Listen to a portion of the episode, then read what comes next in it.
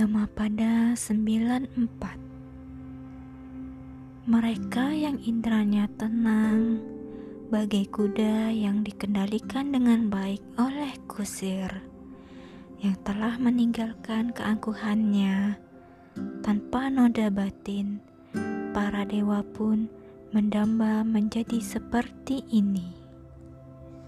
Kisah latar.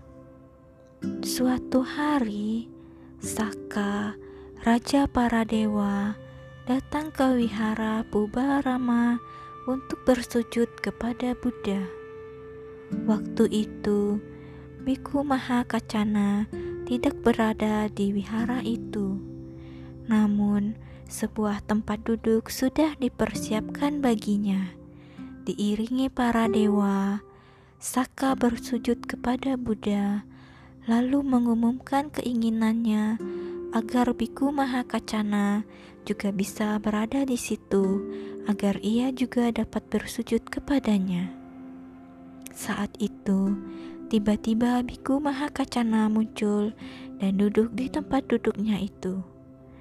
Melihat Biku Mahakacana sudah muncul, Saka segera bersujud kepadanya dengan memegangi pergelangan kaki Biku Mahakacana, Saka berkata bahwa ia sangat bahagia bahwa Biku Mahakacana bisa datang dan bahwa kedatangan Biku Mahakacana adalah satu-satunya hal yang diharapkannya waktu itu.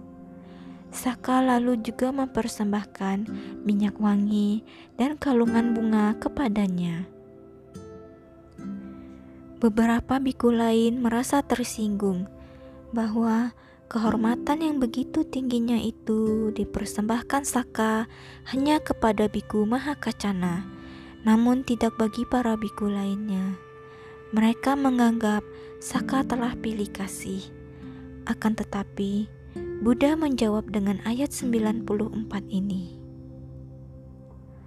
Mereka yang indranya tenang, bagi kuda yang dikendalikan dengan baik oleh kusir yang telah meninggalkan keangkuhannya tanpa noda batin. Para dewa pun mendamba menjadi seperti ini.